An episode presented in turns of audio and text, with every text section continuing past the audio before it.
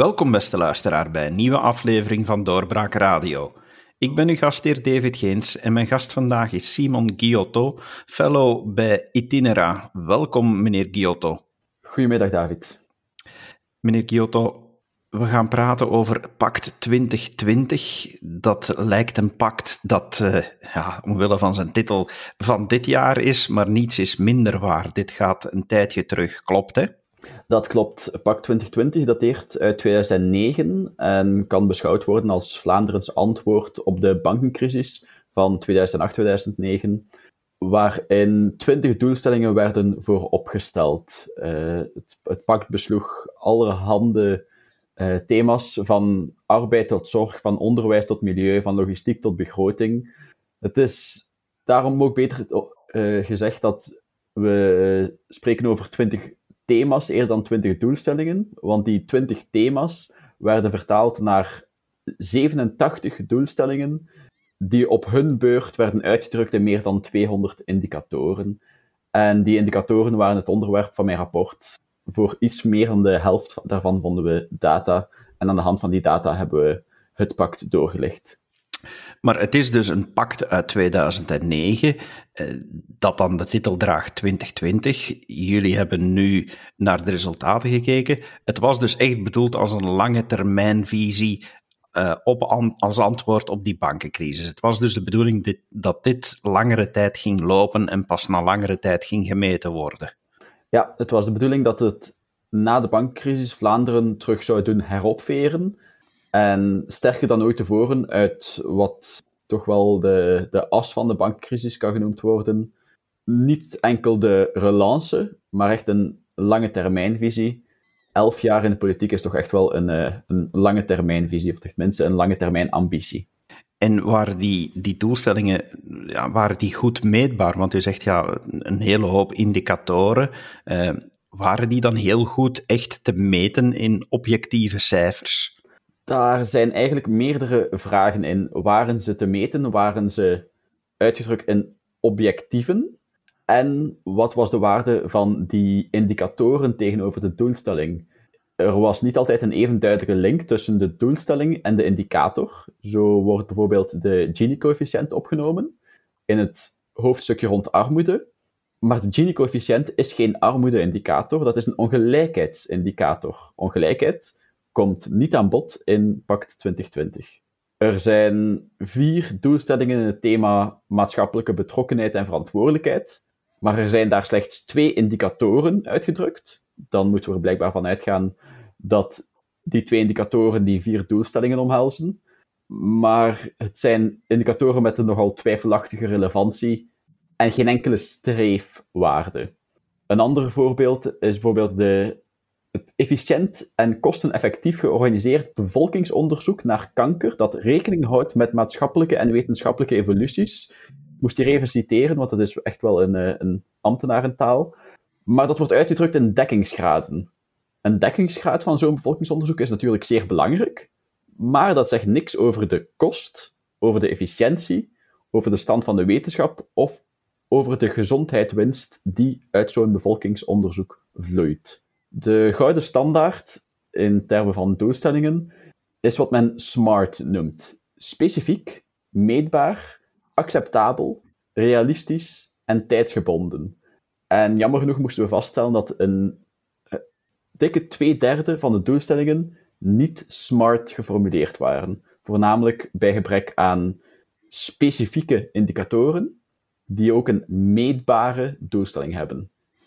Is dat dan al een van de opmerkingen die moet meegenomen worden aan diegenen die in de toekomst nog zulke lange termijn visies willen neerschrijven? Dat er veel meer moet gewerkt worden met smart, dus dat het inderdaad meetbaar is en, en toepasbaar in de tijd en zo?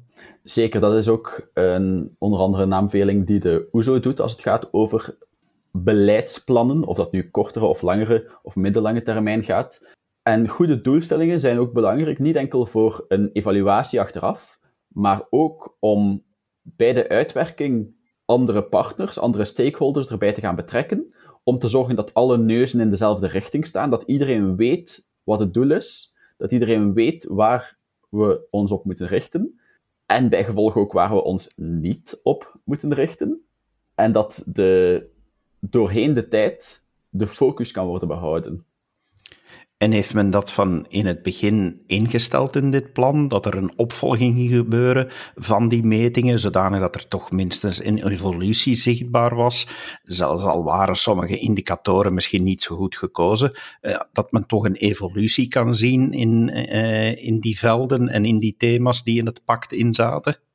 Ja en nee. Er was wel een meting en een opvolging voorzien, wat positief is. De meting werd toebedeeld aan de studiedienst van de Vlaamse regering, beter bekend als Statistiek Vlaanderen, die jaarlijks een opvolging zouden doen van die indicatoren. Ze hebben dat ook gedaan jaarlijks, of ongeveer jaarlijks, tot 2016, wanneer onder minister-president Bourgeois de indicatoren van PAC 2020 werden opgenomen in de VRIND-indicatoren, de Vlaamse regionale indicatoren. Ik zeg opgenomen in de vriend. Uh, u verstaat wel dat dat al uh, bijna begraven en vergeten is op dat punt. Helaas was de editie 2017 van de Vlaamse regionale indicatoren, de eerste die dus de indicatoren van PAC 2020 omhelsden, ook de laatste die voorlopig verscheen van dit eveneens in theorie jaarlijkse overzicht. Daarnaast was er een opvolging, want je kunt wel de resultaten meten, maar wat doe je dan als die metingen de verkeerde richting uitgaan? Die opvolging die zou verzekerd moeten worden door een onafhankelijke adviesraad. Opnieuw, zeer positief. Een onafhankelijke adviesraad is iets wat we enkel maar kunnen toejuichen. Maar we kunnen ons wel vragen stellen bij de onafhankelijkheid van die raad en het advies dat ze hebben gegeven. De adviesraad, die werd toen ook snel bekend als de Raad der Wijzen. Die bestond voornamelijk uit voormalige kabinetaars en ex-politici. En voor zover ik kon terugvinden, bestond hun advies uit één rapport in 2014. Als er nog andere rapporten zijn afgeleverd, dan, is de, dan zouden die publiek beschikbaar moeten zijn. Nog een aanbeveling. En als het daartoe beperkt bleef, dan kunnen we moeilijk spreken van een continue opvolging als er tussen 2009 en 2020 één rapport verscheen. Is dat ook niet zo'n beetje de handicap van een lange termijn planning door, door politiek? Want uiteindelijk wordt die geschreven door de zittende regering, maar in welke mate zijn volgende regeringen dan er inderdaad nog aan gebonden om te meten en, en ja, laat staan bij te sturen wanneer, wanneer er afgeweken wordt van het plan? Dat is inderdaad een van de voornaamste uitdagingen als het gaat over lange termijn plannen. Wij kennen meerdere meerjarenplannen in Vlaanderen. U hebt er al aan verwezen. Er was de kleurennota van, ik dacht minister-president De Waal, die later vertaald werd in het Pact van Vilvoorde. Er was Vlaanderen in actie van Yves Le Terme, wat dan door eh, minister Peters omgezet werd naar PAC 2020. Daarna was er Visie 2030 en Visier 2050 van minister-president Bourgeois. En waarschijnlijk ben ik er nog een aantal aan het vergeten. Dus er zijn inderdaad wel flink wat meerjarenplannen, maar de opvolging daarvan laat de wensen over. Maar dat is geen predestinatie. Het is niet zo dat meerjarenplannen altijd hoeven te eindigen bij de volgende verkiezingen. Als we kijken naar landen met een andere beleidscultuur, dan zien we dat, vooral ten noorden van ons, dat wel lukt. Vlaanderen heeft daar moeite mee, ook federaal zien we weinig overtuigende voorbeelden. In Wallonië gaat het iets beter, mogelijk geleerd aan het feit dat de PS daar zo sterk staat en dus meer continuïteit kan voorzien. Maar in andere landen kan zelfs bij een verandering van legislatuur, bij een verandering van beleidsmakers, er toch nog voortgezet worden. En dan kunnen we ons afvragen, waarom? Waarom kunnen andere landen, wat wij blijkbaar sterke moeite mee hebben, en dan gaat het om duidelijke doelstellingen, om de ambitie die vertaald wordt in een visie, die zeker aanwezig was bij PAC 2020, maar met een betere uitwerking. Dan gaat het om een overleg niet enkel tussen meerderheden, onderling, want we hebben nu eenmaal coalitieregeringen in Vlaanderen en in België, maar ook tussen meerderheid en oppositie. Dat als de slinger omslaat en als er iemand anders in de stoel van de macht komt te zitten, dat die nog altijd het pact zullen meedragen. Misschien met andere accenten, dat zeker. Maar dat ze niet de, de behoefte zullen voelen om iets volledig nieuws op tafel te leggen. Daarnaast is ook een zeer belangrijk element daarin een tijdspad van het pact. Want nu had het pact een einddoel. Het overgrote deel van de doelstellingen waren gericht op 2020, zoals de naam al doet vermoeden. Er waren een aantal uitzonderingen gericht op 2015, maar ja, op de 200 plus doelstellingen zijn het enkelingen. Als er een tijdspad zou uitgetekend worden, dus niet enkel een einddoel, maar ook in 2011 willen we hier staan, in 2012 willen we hier staan, in 2013 willen we hier staan. Dat laat toe niet enkel om de opvolging te faciliteren, maar ook om de politici op dat moment rekenschap te doen afleggen. Rekenschap is een erg belangrijk concept dat we helaas missen in België. Daarom ook dat die Tinera er al uh, jaren rond werkt en onlangs de eerste verantwoordingsdag had georganiseerd. Maar als er een tijdspad is, dan kunnen politici rekenschap afleggen. En kunnen politici zeggen: We hebben dit gehaald en dit is hoe we het gehaald hebben. Of we hebben dit niet gehaald en dit is hoe we gaan bijsturen. Als we nu inderdaad kijken naar wat er gehaald werd, eh, Pact 2020, zaten heel wat eh, zeer interessante doelstellingen in. Eh, ik heb de samenvatting ervan gelezen, ik heb uw resultatenrapport gelezen. Er zaten toch wel doelstellingen in die, laten we daar blij om zijn, die gehaald zijn welke vallen daar zo voor u in op? Wat, wat vindt u belangrijk om, om te zeggen van kijk, dit zijn toch doelstellingen die na elf jaar uh, echt wel goede resultaten kunnen voorleggen? Wel, het is eigenlijk een zeer moeilijke vraag. Um, om te, een, zeer moeilijke vraag welke doelstellingen bereikt werden, omdat zoveel doelstellingen niet beoordeeld kunnen worden. We hebben dus, uh, zoals gezegd, ons gericht op de smart geformuleerde doelstellingen. Dat waren er eens in de 70. En daarvan hebben we 47 doelstellingen kunnen beoordelen. Dus daarvan vonden we voor 47 doelstellingen data. Daarvan zijn er 7 behaald, met nog eens 2 die binnen handbereik waren. We vonden ook data voor 63 doelstellingen die een richting uit moesten. Die moesten stijgen of dalen. En daarvan was er in 38 gevallen een gunstige evolutie. Dus iets meer dan de helft van de doelstellingen met een richting gingen de goede richting uit. Maar hoeveel is genoeg? Er wordt in de doelstellingen gesproken over een aanzienlijke stijging, een beperking, een, een significant verschil. Dat klinkt wel goed, maar dat is niet zeggend als het gaat om de doelstelling te beoordelen. Maar als ik er dan een aantal positieve voorbeelden uit zou halen, dan wil ik zeker wijzen op de tewerkstellingsdoelstellingen. De tewerkstellingen van zowel 50-plussers als 55-plussers hebben we gehaald. Uitstekend. Voor de 20 tot 64-jarigen, dus wat men in Vlaanderen meestal als de beroepsactieve bevolking beschouwt, hebben we de doelstelling van 76% net niet gehaald. We zaten op 75,5%. Maar zeer opmerkelijk hier is wel dat de doelstelling, dus niet de indicator, maar de doelstelling, die spreekt van 70% de werkstelling, terwijl die in 2009 al 72,3% bedroeg. De doelstelling was dus lager dan de huidige realiteit. In de indicator werd die streefwaarde gelukkig verstrengd naar de 76% die ik al genoemd had.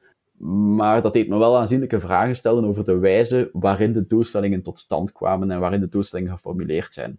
Andere uitstekende voorbeelden zijn bijvoorbeeld de buitenlandse investeringen, die bijna vervijfvoudigd zijn. En vanuit mijn uh, interesse naar sociaal beleid en onder andere gezinsbeleid vond ik het ook bijzonder aangenaam om te lezen dat we de inactiviteit en deeltijdswerk, omwille van een gebrek aan opvang, iets wat vooral vrouwen treft op de arbeidsmarkt, hebben kunnen reduceren naar nauwelijks een derde van 2009. Dus dat vond ik toch ook wel enorm indrukwekkend. Dat klinkt als een goed rapport, maar ik neem aan dat, uh, ja, zoals op ieder rapport, ook dat van mijn kinderen, dat er een aantal punten zijn waarvan dat je zegt, mm, dit had toch beter gekunnen van uh, welke, welke stipt u daar dan in aan in uw onderzoek? Inderdaad, en ik hoop van harte dat de verhouding tussen de goede en de slechte punten in het rapport van uw kinderen beter zal zijn dan dat van PAC 2020. Want helaas is er daar ook wel flink wat over te zeggen. Er werd een stijging van de werkbaarheid vooropgesteld voor zowel werknemers als zelfstandigen. De werknemers zijn niet gestegen, maar gedaald. En de zelfstandigen kenden een lichte stijging, maar ruim tekort tegenover de vooropgestelde doelstellingen. De kinderarmoede zou halveren, net zoals het aantal kortgescholden in onze samenleving, dus degenen die uh, geen secundair diploma hebben behaald. Maar we zagen een lichte stijging van de kortgescholden, en die halvering van de kinderarmoede werd een verdubbeling van de kinderarmoede. De laaggeletterdheid die moest evolueren naar 3% van ongeveer 15%. En na 11 jaar blijven we steken op 14%. Dus 10%, 11% meer dan de, de doelstelling. Uh, we kunnen hetzelfde zien bij de wachttijden in de Centra voor Geestelijke Gezondheidszorg. De wachttijd, volgens de statistieken, tussen de eerste aanmelding en de eerste behandeling bedroeg 72 dagen en is gestegen naar 104 dagen. In de doelstellingen wordt gesproken van een toegankelijk aanbod. Een toegankelijk aanbod, dat zou minimale wachtlijsten betekenen, maar we zien dus een aanzienlijke stijging. En die stijging is dan nog eens een zware onderschatting van de werkelijkheid, want iedereen die actief is in de sector, die kan u zeggen dat die 104 dagen helemaal niet zo lang zijn, dat is de tijd die gespendeerd wordt op wachtlijsten, maar de wachtlijsten worden geregeld gesloten bij gebrek aan capaciteit. Dus er zijn flink wat uh, negatieve punten die aan te stippen zijn. Itinera staat ervoor gekend om zulke zaken te meten en uit te zoeken, niet om puur kritiek te geven, maar om het beleid beter te maken. Wat is dan nu uit dit rapport het advies dat jullie aan het beleid willen, willen meegeven? inderdaad, dat was ook de hoofdreden waarom we het rapport hebben geschreven. Niet zozeer om af te rekenen met het verleden, maar om ons voor te bereiden op de toekomst. En een aantal stappen bij een dergelijk lange termijnplan zijn cruciaal. We moeten beginnen met een visie. De visie van PAC 2020, die was er. Maar dan moet je die visie gaan vernauwen en een focus gaan uitkiezen. Prioriteiten stellen.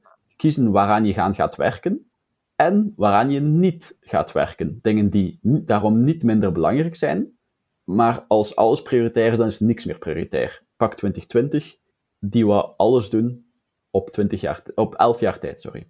Dan moest, moet een visie vertaald worden naar een plan. Opnieuw minder ideaal gebeurt bij Pak 2020, dat uitgewerkt wordt. Die uitwerking moet worden gemeten en geëvalueerd, opgevolgd waar nodig en bijgestuurd. Een bijsturing kan erin bestaan dat we de doelstelling op een andere manier gaan proberen behalen, of dat een doelstelling niet meer haalbaar wordt beschouwd en dat de doelstelling wordt bijgestuurd. Beiden vergen een actieve beslissing en vergen rekenschap. Zoals ik eerder vermeld heb, betekent rekenschap ook het is gelukt. Dat is ook rekenschap afleggen. En zo kunnen we op termijn gaan volhouden als dat goed gedaan wordt, dan kunnen we de korte termijn overstijgen. En dan kunnen we ook de personen die gebonden zijn aan zo'n pact, of de personen die zich achter zo'n pact hebben geschaard, gaan overstijgen. Niet omdat dat niet belangrijk is. De ambitie die uit Pact 2020 vloeit, is iets wat we zeker moeten beamen en iets wat zeker moet uh, gezien worden in een zeer positief daglicht. Maar het mag daar niet bij blijven mooie woorden zijn uitstekend, maar we hebben nood aan goed bestuur, niet aan aankondigingspolitiek. Is dat een les die we nu aan de huidige regering best kunnen meegeven bij de start nu van het huidige relanceprogramma? Kunnen zij hier uh, ja, iets uit leren dat, dat nog kan bijsturen voor wat nu nodig is om uit deze crisis uit te raken? Zeer zeker, maar uh, daarbij wil ik wel een eerst twee kanttekeningen maken. Ten eerste, als we spreken over een relanceplan, de relance moet de korte termijn omvatten. Een relance moet gaan over de komende jaren.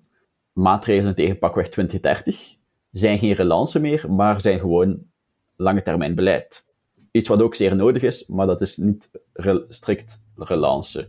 Daarnaast zou het ook zeer oneerlijk zijn van mij om het pact nu al te gaan evalueren, laat staan om het pact nu al te gaan afschieten, want uh, het plan dus, het relanceplan, nu al te gaan afschieten. Dat zou overdreven cynisch zijn, want het plan is toch in opmaak. Er komen gaandeweg meer stukken vrij. Er was de septemberverklaring van minister-president Jan Bon. Nu recent was er een akkoord met de sociale partners. Maar het plan aan zich is er nog niet. Ze zijn er nog aan bezig, dus ik kan hen voorlopig enkel maar de, het voordeel van de twijfel geven. In wat ik uh, voorlopig heb gezien, zag ik vooral veel toewijzingen van middelen aan bepaalde projecten, minder concrete doelstellingen en zeer weinig smart doelstellingen. Iets wat het Pact 2020 heeft getekend was het gebrek aan prioriteiten. Het relanceplan spreekt over zeven ambities, zeven prioriteiten, wat al beter is dan de eerder genoemde twintig thema's, maar ze zijn nog altijd wel zeer ruim. En je zou kunnen zeggen dat bijna alles eronder valt. De focus houden wordt dan ook een uitdaging, maar opnieuw, work in progress. ze beginnen met een bredere visie en hopelijk gaan ze gaandeweg dan meer focus gaan leggen en, en meer duidelijke prioriteiten kiezen. Ook binnen die zeven ambities. En dan gaat uh, het over goede doelstellingen kiezen. Nu, goede doelstellingen uh, zullen ook vanuit Europa gevraagd worden in het, om een aanspraak te kunnen maken op een deel van de Europese middelen. Voorlopig heb ik er nog niet veel gezien, maar ze kunnen er nog komen. Een doelstelling die minister-president Jan Bon wel duidelijk vooropgesteld heeft, is de 80% werkzaamheidsgraad. De werkzaamheidsgraad is dus het percentage van een bepaalde bevolkingsgroep, in dit geval 20 tot 64, die aan het werk is. Dat is dus een specifieke indicator. 80% daarvan, dat is meetbaar. Is het acceptabel? Ik denk niet dat er mensen zijn die de doelstelling zullen tegenspreken, die vinden dat er minder mensen aan het werk moeten. Mogelijk is er wel discussie over de manier waarop mensen geactiveerd wordt uh, mensen geactiveerd worden. Maar dat gaat om de om middelen, niet om de doelstellingen. En de minister-president heeft ook een strikte timing opgesteld. Hij wil dat behalen tegen 2024. Oké, uitstekend. Uh, u merkt wel dat ik de R van realistisch heb overgeslagen, want daar heb ik wel mijn twijfels over. Het is aan zich mogelijk om een werkzaamheidsgraad van 80% te halen onder die bevolkingsgroep dat zou zelfs onder het gemiddelde van de tien beste Europese landen liggen. Er zijn er een aantal die boven de 80 en zelfs een eind boven de 80 zitten. Maar de vraag is, gaan we daar op tijd geraken van waar we nu staan? Een 80% werkzaamheidsgraad voor Vlaanderen voor corona was al een flinke uitdaging.